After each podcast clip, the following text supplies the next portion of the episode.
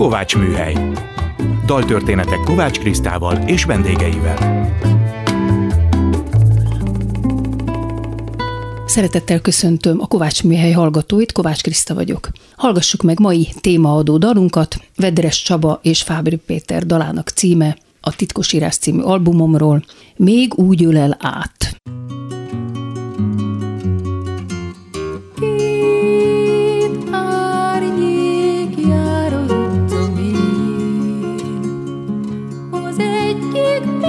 Biztosít, a másik árnyba még ő.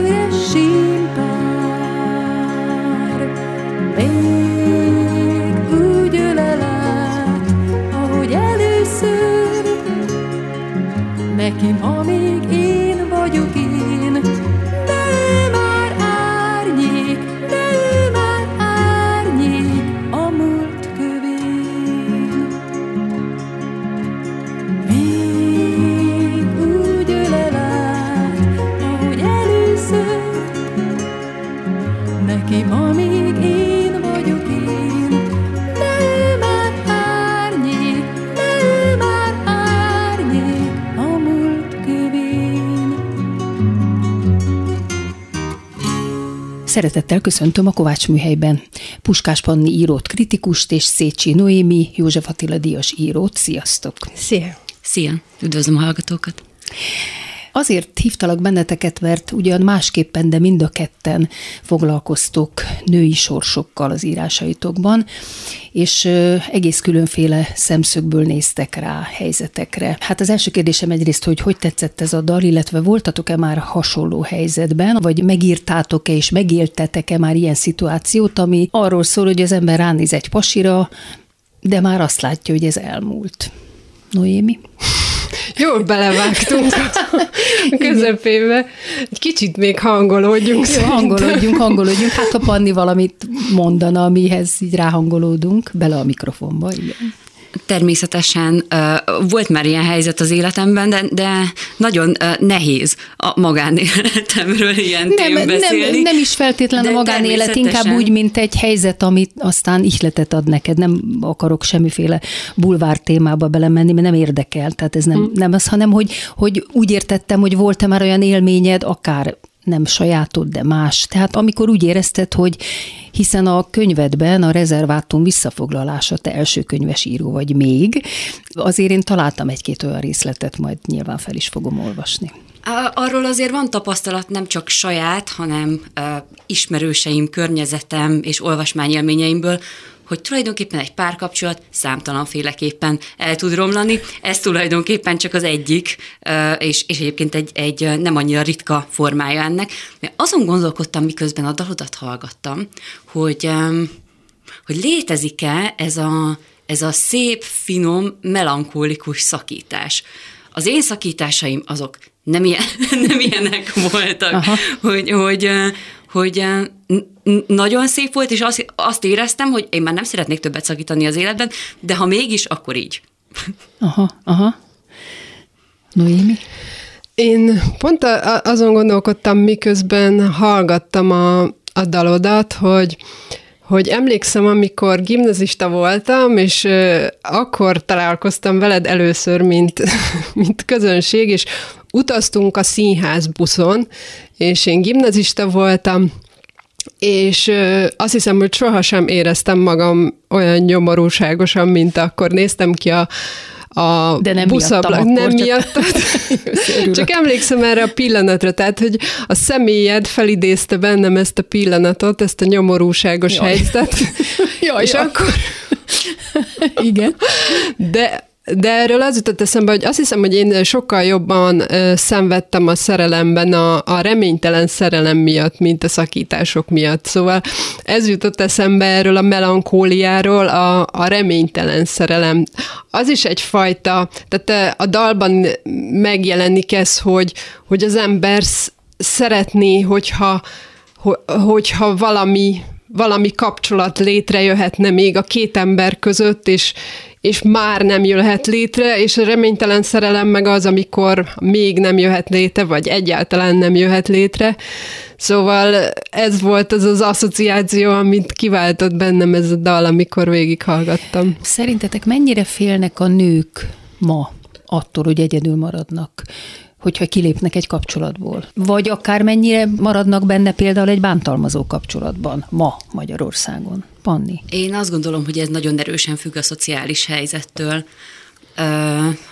Vannak olyan nők, akik egyszerűen nem tehetik meg, hogy három gyerekkel ott hagyják a férjüket, és, és vannak, akik meg, tehát hogy sokkal inkább azok mernek kilépni a kapcsolatból, akiknek saját egzisztenciájuk van, vagy ezt így meg tudták maguknak teremteni. Igen, ez, ez abszolút így van, és én éppen ezzel töltöttem a, az utóbbi napokat, hogy egy cikket írtam a, a családról, meg a, a, egy kicsit ilyen történeti ö, ö, visszatekintés, és, ö, és az arra jöttem rá, miközben fűztem egymáshoz a gondolatokat, hogy, hogy ez mennyire meghatározta a nők ö, ö, hogy mondjam, bátorságát azzal kapcsolatban, hogy, hogy véget kilépnek-e egy kapcsolatból. Például a 19. században, vagy egészen a 19. századig, a 20. század elejéig a vállás az nagyon problematikus volt, és egy nő egzisztenciája a férjétől függött, és, és ezért sem volt olyan egyszerű ö, elszakítani egy ilyen, ilyen kapcsolatot, hiszen, hiszen egy nőnek nem volt saját megélhetése akkor, hogyha a férje, tehát a gyermekeit sem, és önmagát sem tudta eltartani, hogyha, tehát hogy egyszerűen ilyen ö, ö, materiális szempontokat is mérlegelnie kellett, amikor, amikor mérlegelte azt, hogy, hogy benne marad -e egy kapcsolatban, vagy nem. Arról nem is szólva, hogy, hogy természetesen ez így házassági jogilag is nagyon komp- komplikált volt. Még a, a polgári vállás az csak a 19. század végétől van, és mondjuk egy katolikus pár a 19. században el sem válhatott, lehetetlen volt. Igen, hát te írtál is erről egy könyvet, meg is jelent a modern budapesti urinő, ugye? Jól mondom Igen. a címét, egy történésszel írtátok együtt, és a 19. századtól egész a 20. század közepéig megnéztétek, hogy, vagy első feléig pont a személyes élet terét néztétek meg az embereknek, ami annyira érdekes, amit a történelemkönyvekből annyira nem látunk. De még visszatérve, kíváncsi vagyok, hogy erről mit gondoltok, hogy olvastam a Narancsban, hogy egy vidéki városban online hirdetés jelent meg, hogy a kulturális központ fiatal feleségek és házasodni vágyó nőknek derékasszony képzést hirdet. És mit tanulnak a derékasszony képzésben? Legyen jó feleség, legyen jó anya, tulajdonképpen visszahozza Ez- ez- ezt a 19. századi eszményt, komoly. hogy hát én mondjuk ezen így elájultam. De Én- meg, én meg is- meglepődtök, mert ugye szerintem annyira része a közbeszédünknek, meg, meg időről időre vannak olyan hangok, most mindig a Kovács Ákos jut eszembe, de hát ő, aki ugye azt mondja, hogy hát a nő ne akarjon karriert csinálni, hanem teljesítse be a női principiumát. Mindig, mindig ehhez a kijelentéshez térünk vissza, pedig azóta tényleg már a Kövér László is elmondta, hogy uh, unokákat kell szüljünk. Uh, Szóval, hogy szerintem ez annyira része annak, amiben per pillanat Magyarországon élünk, hogyha van egy ilyen paródia-szerű helyzet, akkor én Hát azon... Nyilván a közhangulat miatt történik egy ilyen, hogy megfelelünk a közhangulatnak, indítunk egy ilyen Igen, mondjuk asszonykép, ilyen egy derékasszony. arra, amit, amit az előbb elkezdtünk, ez a, az a, hogy a szociális helyzet mennyire befolyásolja uh-huh. azt, hogy, hogy valaki szakíthat-e. Az abszolút tehát ideális esetben kell mondanunk a, a 20. századot és a 21. századot, hogy vannak nyilvánvalóan olyan nők, mondjuk középosztálybeli és felsőbb-osztálybeli nők, akik, eh, akik képesek mondjuk saját magukat eltartani, de, ö, és ezért meghozhatják ezt a döntést, de, de van, aki annyira ki van szolgáltatva ma is a, a férjének, például anyagilag, és ezt, ö, ezt emlegetik a családsegítő szolgálatok is, hogy, hogy sokszor kritizálják azokat a nőket, akik benne maradnak egy toxikus kapcsolatba, de nem mindenkinek egyszerű mondjuk egy lakást keríteni, vagy annyi jövedelmet keríteni, hogy elmenjen az otthonából a bántalmazó ö, partner elől a gyerekeivel. Hát igen, hiába Ugyanakkor gondolja szerint- az ember, hogy menjél el te. Nem, az ember ezt gondolja, de hát hiába. Mondjad, Panni. Hát, hogy sa- saját magamat akarom csak egy kicsit megcáfolni, szóval azért összességében mégse azt látjuk, hogy csak emiatt maradnak benne nők bántalmazó Igen. Kapcsolatokban, hanem, hanem van egy, egy ilyen furcsa hmm, mítosz, ami most is körüllengi a, a férfinő romantikus kapcsolatokat, amelyben a férfi az erős fél, a nő a gyenge fél. És hogy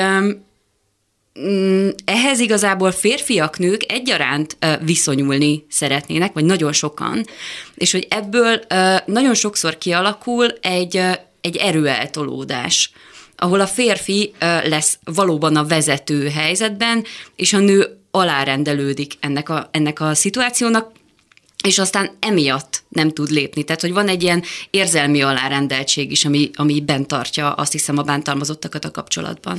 Ez itt a Kovács Műhely, Szécsi Noémi és Puskás Panni írókkal beszélgettünk a szakításról, a bántalmazott kapcsolatokról, és egyáltalán a női-férfi kapcsolatokról.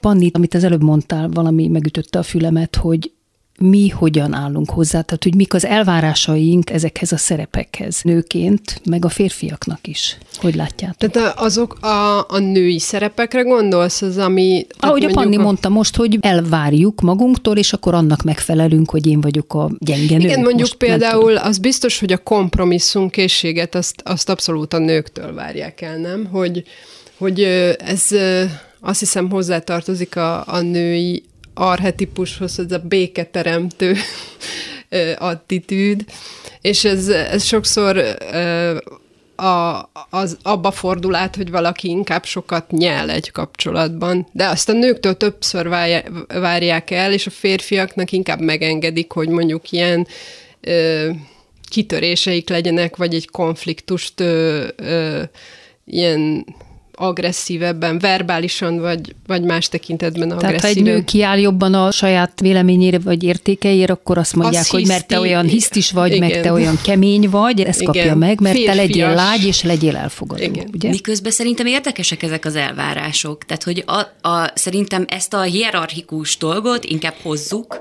ami most az elvárás, az nem egészen ez, hanem az, hogy, vagy hát én azt olvasom mindenhol, légy erős nő, állj ki magadért, tudjál döntéseket hozni, Igazából szerintem az a, az a helyzet, hogy ez a kettő dolog feszül egymásnak. A, az emancipált nő vagyok, de közben azért mégis ragaszkodom a, a családból hozott mintákhoz, és ezek, ezekhez a szerepmodellekhez, és igazából ezekben a helyzetekben szerintem iszonyú ö, ilyen kevercs tud lenni a, a nőknek a fejében, meg egyébként a férfiaknak is. Igen, ez kétségtelen, ezzel egyetértek, hogy a, a mai nő életét ez, ez eh, nehezíti meg leginkább, hogy, hogy kétféle szerepelvárás, mert mondjuk a, abban a korban, amiről beszéltem, az egyféle volt, és világos volt, és akkor mondjuk volt egy rapság, amiből ki akarnak törni, most pedig mondjuk annyira, annyira sokféle szerep, és annyi területen való megfelelés van egyszerre, hogy, hogy az tényleg az így, így szétrobbantja az életünket sokszor, hogy akkor mit tudom én, családanyaként, feleségként, de a karrierben is, és a többi, és a többi. Tehát ez, ez tényleg nagyon sok együtt, ami, ami hogy is mondjam, azt gondolja az ember, hogy, hogy akkor választani kell, hogyha ezt valahogyan ö, mégis jól akarja csinálni. Hát és szerintem választani is kell, tehát nem ez van? Igen. Hogy lehetetlen ennyi szerepnek megfelelni, és akkor az ember... Hát hol az egyiket erősíted, hol a másiknak próbálsz megfelelni valahogy. Mit jelent nektek ma a feminizmus, illetve feministák vagytok-e? Kőkemény feministák vagyunk. Igen, igen azért kérdezem, igen. igen. Vagy hát erősítsd meg te is. De én, mit jelent ez ma, Panni? azt gondolom, hogy én nem szeretném, hogyha annak neve lenne, hogy, hogy egy nőknek, a nőknek egyenlő jogok járnak, hanem hogy az, az, az legyen egy, egy, ne egy dolog, hanem hogy ez magától értetődő legyen. Jó, de most én azt gondolom, hogy a feminizmus kifejezésnek addig van értelme, amíg úgy nem érezzük, hogy oké, okay, ez a női-férfi egyenjogúság megteremtődött. Amíg vannak isuk, már pedig vannak, addig, addig szerintem van haszna annak, hogy feministának nevezzük magunkat nem? Én mindenképpen ennek a, ezeknek az el, elveknek a mentén cselekszem, és azt gondolom, hogy nagyon sokat teszem ebben az ügyben, de, de lehet, hogy nem eleget. Te feminista vagy, Kriszta? Hát amennyiben ez azt jelenti, amit Noémi mondott, hogy teljesen egyforma jogok illetnek engem, mint nőt, meg a férfiakat, akkor igen. De én nekem valószínű nagy szerencsém volt, hogy ilyen módon nem volt sose probléma a párkapcsolataimban sem.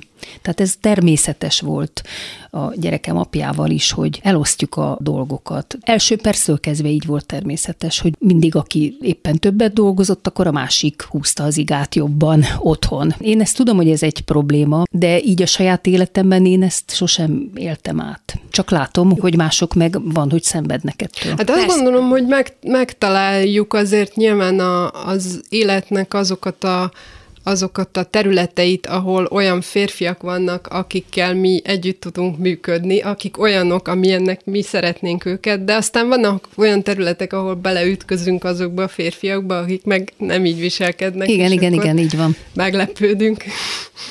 Hát, hogy én azt gondolom, hogy Számos területén az életemnek, ahol mások megszenvedtek helyzeteket nőként, nekem összességében szerencsém volt szintén. De azt gondolom, hogy feministának lenni, az, az nem annyira személyes, mint inkább egy politikai kérdés. Tehát, hogy, hogy, hogy hogy, má, hogy másokkal együtt tudunk-e érezni, hogy, hogy számítanak-e mások problémái, mm, és ehhez nem feltétlenül kell átélnünk az összes problémájukat. Most rátérnék egy kicsit ezekre a kérdésekre az írásaitokban, tehát az irodalomban, illetve mielőtt erre rátérnék, ti foglalkoztok erősen ezekkel a női kérdésekkel. Még a mai irodalomban kiket tudnátok említeni? Nekem Tóth Krisztina jut még eszembe, aki sokat foglalkozik ilyen kérdésekkel, de kik vannak még, akik írnak kifejezetten női szemszögből, női szempontok szerint? Hát azt hiszem nagyon-nagyon sok, sok mindenkit Akkor meséljük el, mert én sem vagyok annyira Jó. ebben otthon. De a, mielőtt bejöttünk, pont megbeszéltünk, e, én egy olyan regényt tudtam most a közelmúltból előhalászni, ami nőt írt, és, és, és kifejezetten a szakításról a, és a kapcsolat felbomlásáról szól, és ez a mély levegő halász Ritától. De, de Panni még egyebeket is említett ebben a témában. De Na, is mondtam. A Pabza Korilka könyvében is van egy szakítás történet az új regényében, a Majd ha fagyban, a Krusovszki regényét is Igen, igen, igen, igen. Ja, mert hogy nem csak nőkről van szó. Persze, nem Igen, feltétlen. a Krusovszki Dénesnek, a, akik már nem leszünk sosem Aha, című igen. könyvében is van egy szakítás történet, és most olvasom Danyi Zoltánnak a Rózsákról című regényét, ahol ez szintén megjelenik, mint téma. Szóval igazán csak azt akartam bebizonyítani Noéminek, hogy, hogy ez a téma van, létezik, egzisztál, és egyébként nekem is már egy szakítós novellám.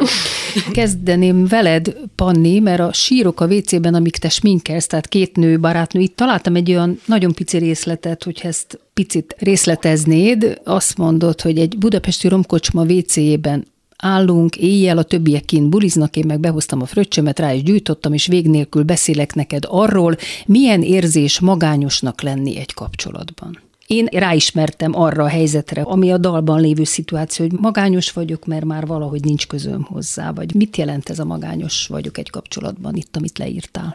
Nem, ez azt hiszem, hogy inkább arra utal, hogy, hogy valaki egy, egy szituációnak alárendelődik, és ott nem számít igazán a véleménye. És, és nem hozhat, nem egalitárius a kapcsolat, és ezért egyetlen egy döntés sem úgy következik, hogy, hogy abban ő bármiféle szerepet tudna vállalni. Én azt hiszem, hogy, hogy, hogy ennél a résznél inkább erre gondoltam, de hát sok baja van ennek a szegény elbeszélőnek, és, és ez csak egy közülük. Ez csak egy. igen, igen.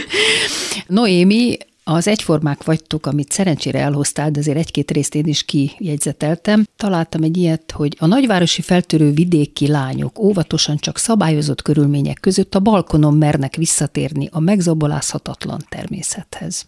Ez már a mai lányokról szól ez az idézet?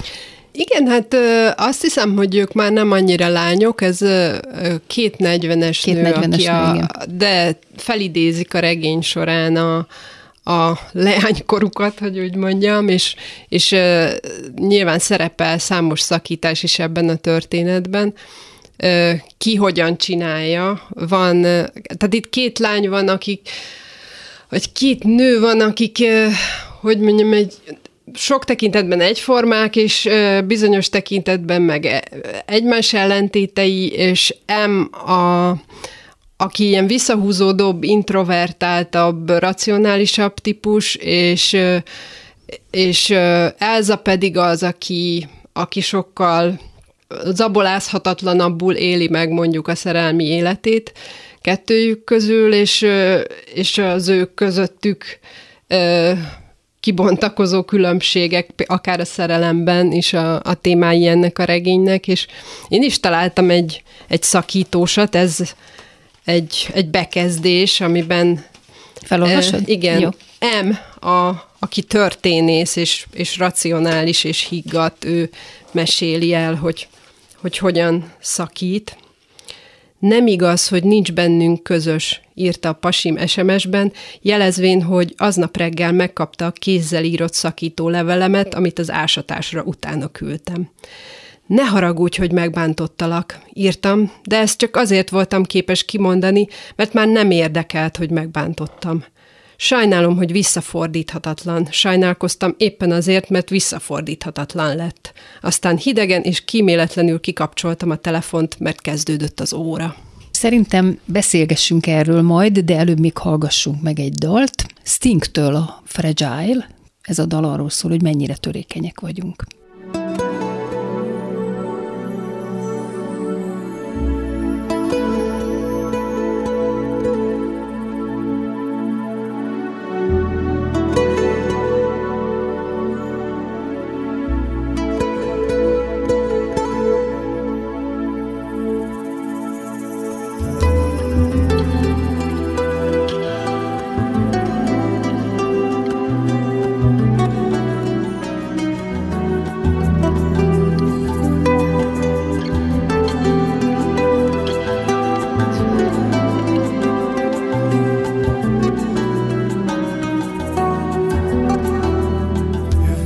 overflow.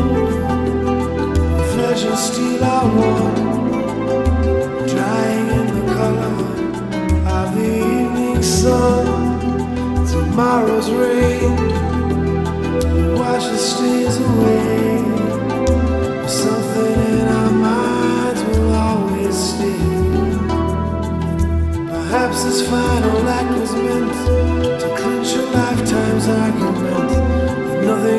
from violence. Nothing ever could. For I was born beneath an angry star. Lest we forget how fragile we are.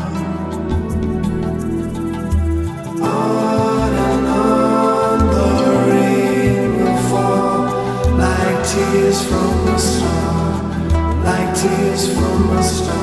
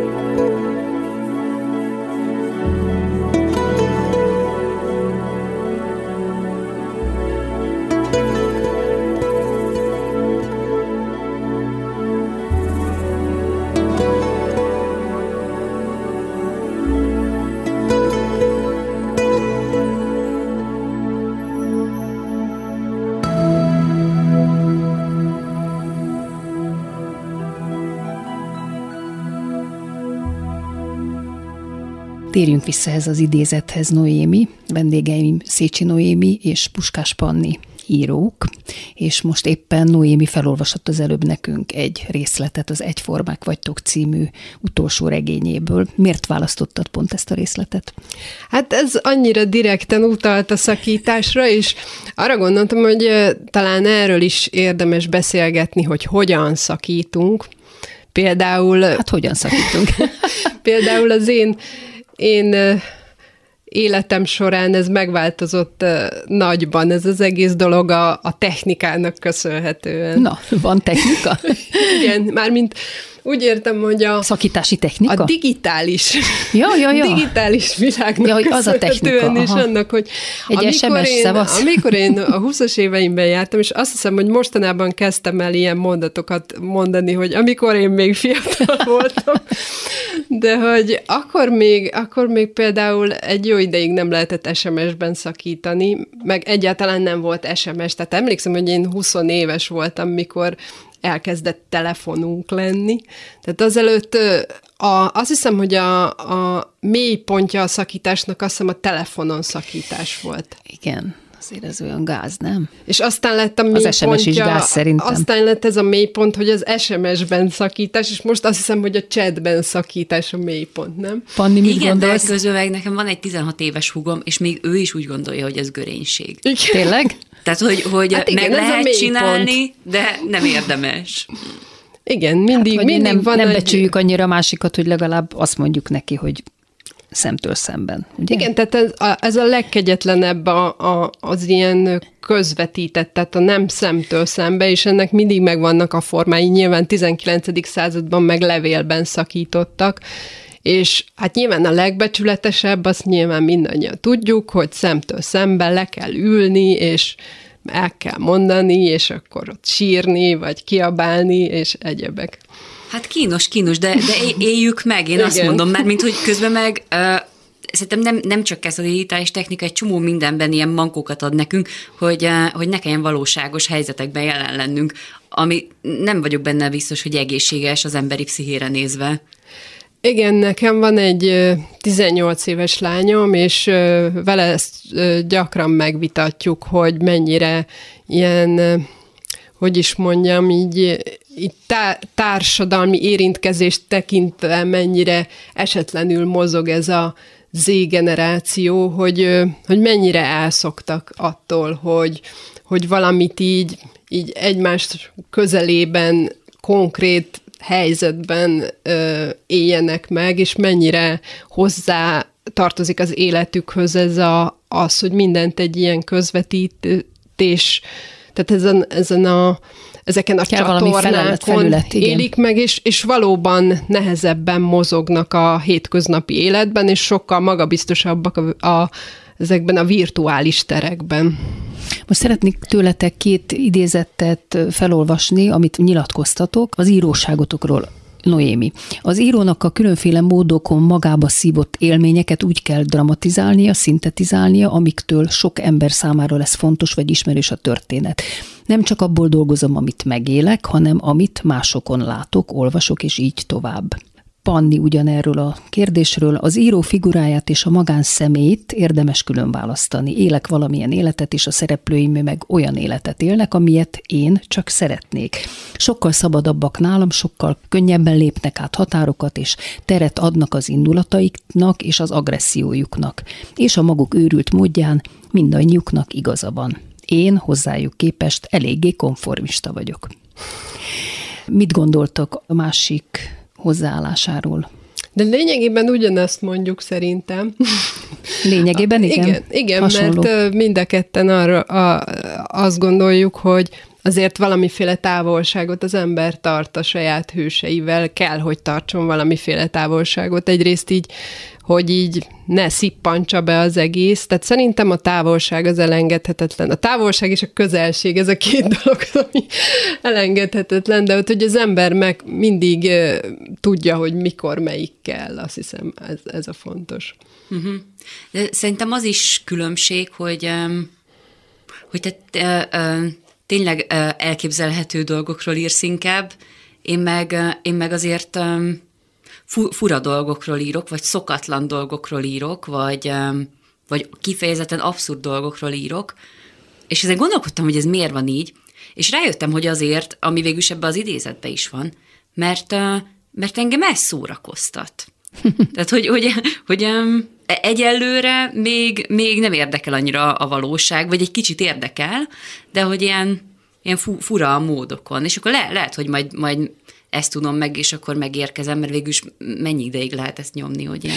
Igen, hát az első regényem nekem is egy nem váltó vámpírról szólt, szóval, Igen, igen, igen. szóval hogy van, van az embernek az a első regénye, vagy az első művei, amikor még játszik, hogy úgy mondjam, amikor még így szórakoztatja önmagát. És Ilyen. utána már nem lesz és szórakoztató? utána, utána valamilyen irányba lehet, Mondja hogy lekanyarodik, esetten, igen. igen.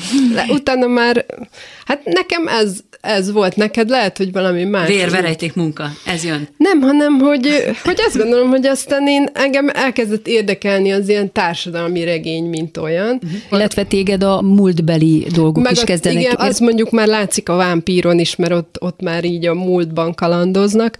a Panni viszont a jelenben tartja egyelőre a témáit Igen, teljesen. tehát hogy, hogy szerintem Még a Panni is majd lehet, hogy egy másik kanyart tesz. Az biztos, hogy, hogy az ember a, az elején a, az élvezeteknek él ilyen tekintetben, hogy, hogy nagyon-nagyon szórakoztatják ezek a, ezek a ö, sziporkázó ötletek, és aztán meg kitalálja, hogy, hogy marad ennél, elindul ebbe az irányba, abba az irányba, abba az irányba nagyon-nagyon sok felé lehet elindulni. Igen, a te írásodban is van egy finom irónia, a Panni meg kifejezetten, én úgy érzem, hogy még így röpködés csapong, és te szeretnél életben is olyan bátor lenni, mint azok a figurák, akiket megírsz, akár. Hát, Például néha ugye, igen. bocsánat, itt az utolsó novelládban, aminek az a címe, hogy nem a világ vége, csak elmesélem a hallgatóknak, hogy az az alapszituáció, hogy bejelentik, hogy egy hét múlva világ vége. És akkor erre ki, hogy reagál, és a te hőseid egyszerűen elvesztik a mértéket, minden szempontból az összes gátlás alól felszabadulnak a te női hőseid. És kell egy ilyen hogy ki akarok elrabolni egy kisboltot, ö, szarrá akarom elverni a szerelmemnek a saját. Magyarul vagy- minden, minden, amit gondol a főhősöd, azt megvalósítja, hiszen olyan mindegy már. Igen, tehát hogy, Ugye? hogy igen, az, az ember arra vágyik, hogy, hogy, hogy minden helyzetben azt tegye, amit az érzései diktálnak. Az a világ, vagy civilizáció, amiben élünk, azért működik, mert ezt nem csináljuk, és hogy ezt törvények szabályozzák, hogy meddig lehet ebben elmenni. Szerintem ez így, így helyes. Így helyes, hogy ez csak gondolatban Igen, de csináljuk. hát az irodalom az meg arra való. Noémi, a te regényedből készült egy színpadi feldolgozás is, a Katonai József Színház, Egyformák vagyunk címmel. Most itt elakadtam, amikor erről olvastam, nem láttam, csak belenéztem egy picit, hogy miért változtatták meg a címet. Én, én változtattam meg Igen? A címet, mert én készítettem a, az adaptációt. Tehát ez a, a színház felhívása volt, hogy készüljön egy, egy karantén darab, uh-huh.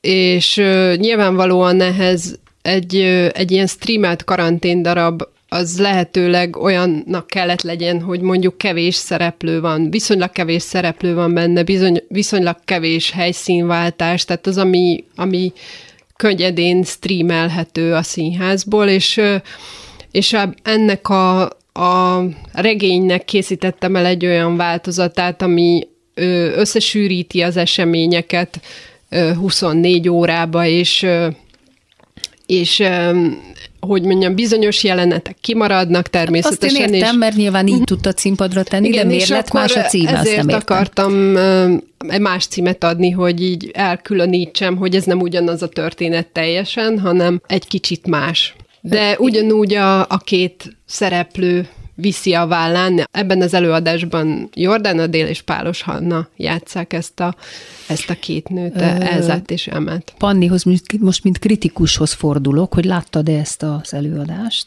Sajnos nem láttam, többet láttam ebből a sorozatból, ez egy sorozat volt, és ezt nem, ezt nem néztem meg. Pedig most a kritikus véleményére lettem volna Ah. kíváncsi, hogy mit szóltál ehhez, hogy Bocs. mennyire sikerült feldolgozni ezt Igazából a... azt hiszem, hogy akkor én, akkor én már én már nagyon nehezen néztem online színházat, és pláne online felolvasó színházat. Tehát, hogy az... De ez nem felolvasó színház volt, ez Nem? jel, nem, nem, ez Hát vagy teljesen megcsinált Jó, de nem- de jelenetek nem- voltak. vagy- mhm. Amennyit belenéztem, az egy teljesen tulajdonképpen színházi előadás volt, csak nagyon Ah. jól lekövetve. Igen, tehát Ugye? hogy azt, azt hiszem, hogy egy ponton túl én azt, azt néztem meg, amit nagyon meg kellett néznem. Igen, mert hogy nem szeretted már nagyon, nézni, igen. Ez, ez nagyon nem szép tőlem egyébként ezt beismerni, mert, mert eh, szerintem egy kritikusnak nem ez a dolga, hanem az, hogy tűzön vízen keresztül uh-huh. a legrosszabbul sikerült eh, felvételeket is nézze végig, akár hogyha öt órásak, de de, de én egy, egy ponton így kicsekkoltam, és azt éreztem, hogy, hogy, eh, hogy ennek itt semmi értelme nincsen, ami, amit csinálunk, és hogy próbálunk úgy tenni, mintha minden rendben lenne, de közben nincs minden rendben, szóval, hogy na mindegy, ezt már százszor mindenki elmondta, úgyhogy nem folytatom. Akkor viszont szembesítelek egy apró kis idézettel a Cserbenhagyás című novellád, ami annyira érdekesen ragadja meg az időt, és azt, hogy egy bizonyos rövid időszak alatt nagyon sok szempontból jönnek be a szereplők. És például azt mondja, hogy a lány munkamániás újságíró lesz, mintha kicsit rád ismernék, és nem marad ideje a fiúra, aki egyetemi tanárként az egyik diákjánál vigasztalódik majd. Mikor ez kiderül, a lány úgy fogja érezni, szereti a fiút, de nem lesz igaza, csak megszokásból akarja majd birtokolni, de már ahhoz is késő lesz. Tehát eh, itt a szereplőknek a különféle pillanataiba belenézünk előre is, hátra is, tehát itt az idővel játszol nagyon, csak itt azért választottam ki ezt a kicsi részt, mert ő is éppen ránéz erre a fiúra, de már idegennek látja. Az én kötetemben szerintem eh, van egy csomó ilyen, hmm, ilyen klasszikus értelemben, eh, hogyha úgy, úgy, úgy nézzük őket, akkor ilyen elég lelketlen nők. Ezek a nők általában nincsenek megelégedve azzal az élethelyzettel, amiben valami miatt kerültek. És, és ez, ez csak egy, egy nagyon picike kis példa, Nagyon és egy pici, nagyon persze. picike kis pillanat, de, de van például egy olyan szövegem, ami egy, egy, egy 40-es nőnek a története, aki beleszeret egy teambulin a munkatársnőjébe, és, és ezért fogja magát, és ott hagyja a férjét, és közben elmeséli a házasságának a történetét, amit tulajdonképpen puszta társadalmi elvárások mentén ment bele ebbe a kapcsolatba, és aztán utána a házasságba, és utána a gyerekszülésbe, és ugye a végén azt mondja, hogy és ott hagyom a, a gyerekeket az apánál. Tehát, hogy, hogy, hogy esze ágában sincsen tovább nevelni őket. És, és egy kicsit erről, erről szólnak ezek a sztorik, hogy, hogy, hogy, hogy valószínűleg egy csomó párkapcsolati lépést azért teszünk meg, mert, mert egy telnek, múlnak az évek, és egyre nagyobb rajtunk a nyomás, hogy, hogy beteljesítsük női principiumunkat, és, és szerintem sokan így mennek férjhez, és így szülnek gyereket, és ez, ez talán nem a legjobb táptalaja ennek. Hmm. Picit váltsunk, Noémi, te gyűjtöd a nők által írt könyvek első kiadásait. Ugye jól olvastam a 20. század elejéről. Igen. Kiknek a könyveit gyűjtötted össze, és miért fontos ez neked? Hát ez azért, azért fontos összegyűjteni, mert sokszor ezek aztán nem jelentek meg több kiadásban, mert mert tehát azért nagyon erős cezúra van 45 után, tehát nagyon sok írónőt bélyegeztek ilyen polgári szemétnek, vagy lektűrnek, már mint a műveiket, és akkor ezek a könyvtárakból, tehát egyszerűen ezeket kiürítették például a, a könyvtárakból, tehát uh-huh. kidobálták őket. Tehát volt, ha nem is könyvégetés, de ilyen tekintetben ezeket e, kiszorták akkor és, és valamiféle ilyen leletmentés is számomra, hogy azért is, hogy, hogy felépítsem a fejemben ezt a női hagyományt, hogy kik voltak, kik alkottak ezekben a, ebben az időszakban. Természetesen voltak akkor is bestsellerírók, meg voltak azok, akik, akik inkább a, a szépirodalom területén alkottak. Például a, a kor leghíresebb ö, bestsellerírója volt Erdős Röné, aki egyébként költőnőként kezdte, és szépirodalomban Igen, kezdte. Őt legalább ismerjük.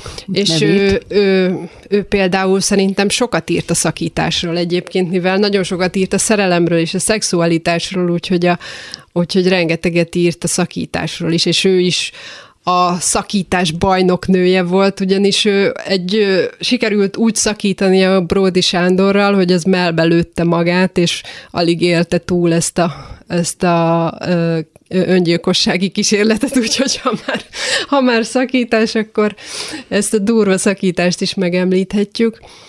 Aztán meg nyilvánvalóan a két háború között ott voltak a nyugat szerzői, Kafka Margit, vagy, vagy Török Szofi, vagy Lányi Sarolta, sokan mások, akik, akik a szépirodalom területén alkottak, és akiknek meg ezért különleges a, az életművük, szóval én mindig így bogarászok, és hogyha találok valamit, vagy nyugat, nyugatos szerzőt, vagy nem nyugatos szerzőt, akkor mindig megveszem 300 vagy 500 forintért, és oda teszem a polcra, és egy ilyen kis privát gyűjteményem van, és ez a ez az én szenvedélyem, hogy így adózom az előttem járó írónőknek.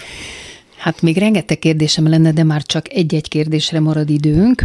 Panni, te rengeteget dolgozol, írsz a revizorba kritikákat, a Baltazár Színház sajtósa is vagy, és a kritikus cég társelnöke lettél nem régen, aktív társadalmi életet is élsz, és erről azt is nyilatkoztat, hogy van bennem egy állandó késztetés arra, hogy ne legyek fotelforradalmár. És persze ez is a buborékokból kimozdulás egyik módja. Ki kell mozdulni a buborékjainkból?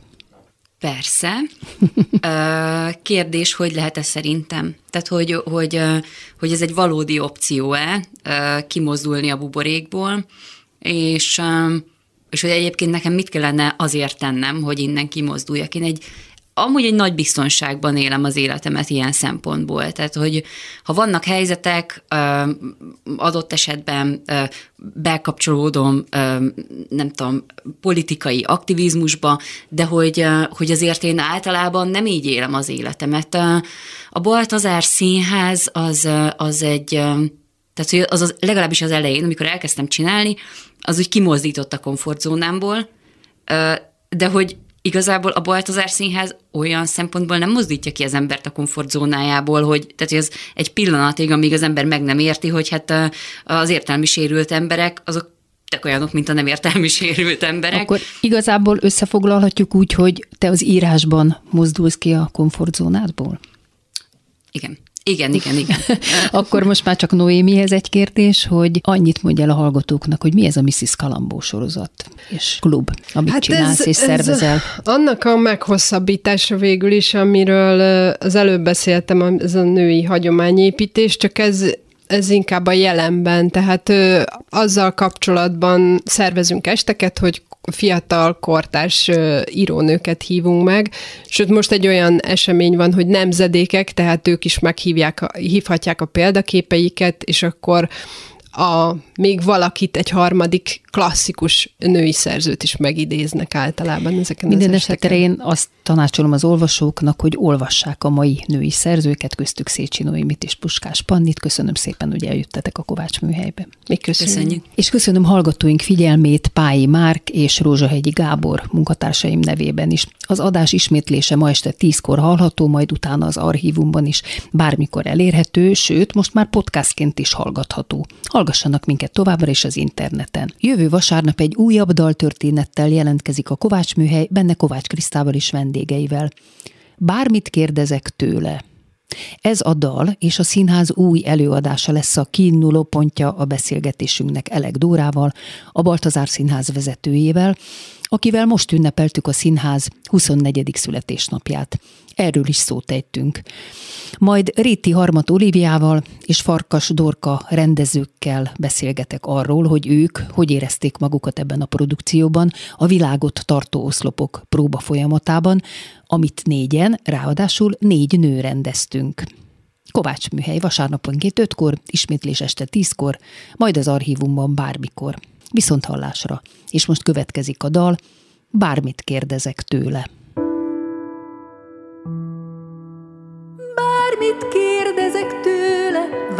Válaszol. Bármit elhallgatok előle, kérdez. Bármit válaszolok, bőven elég lesz. A fán egy tücsök árnya szól. A fa árnyékában a földre fekszem, de fekve az égig növekszem. Szavakat találok a fönti csendben, amiket már rég elfeledtem.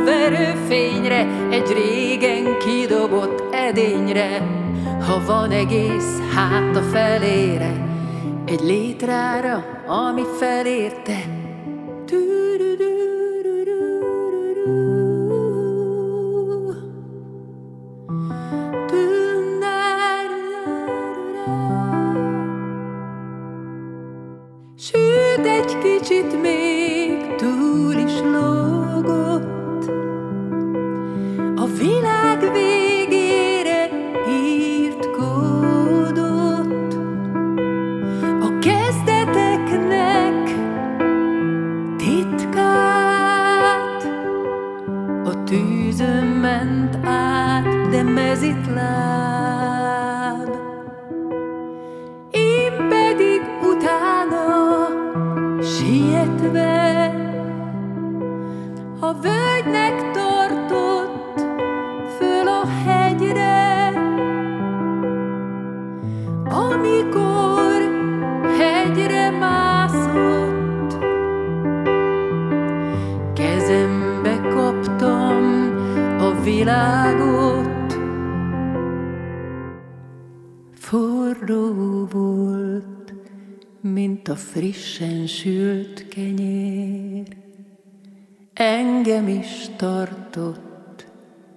egy még nagyobb tenyér. Ki nem mond, hogy ki lehetett. Hmm,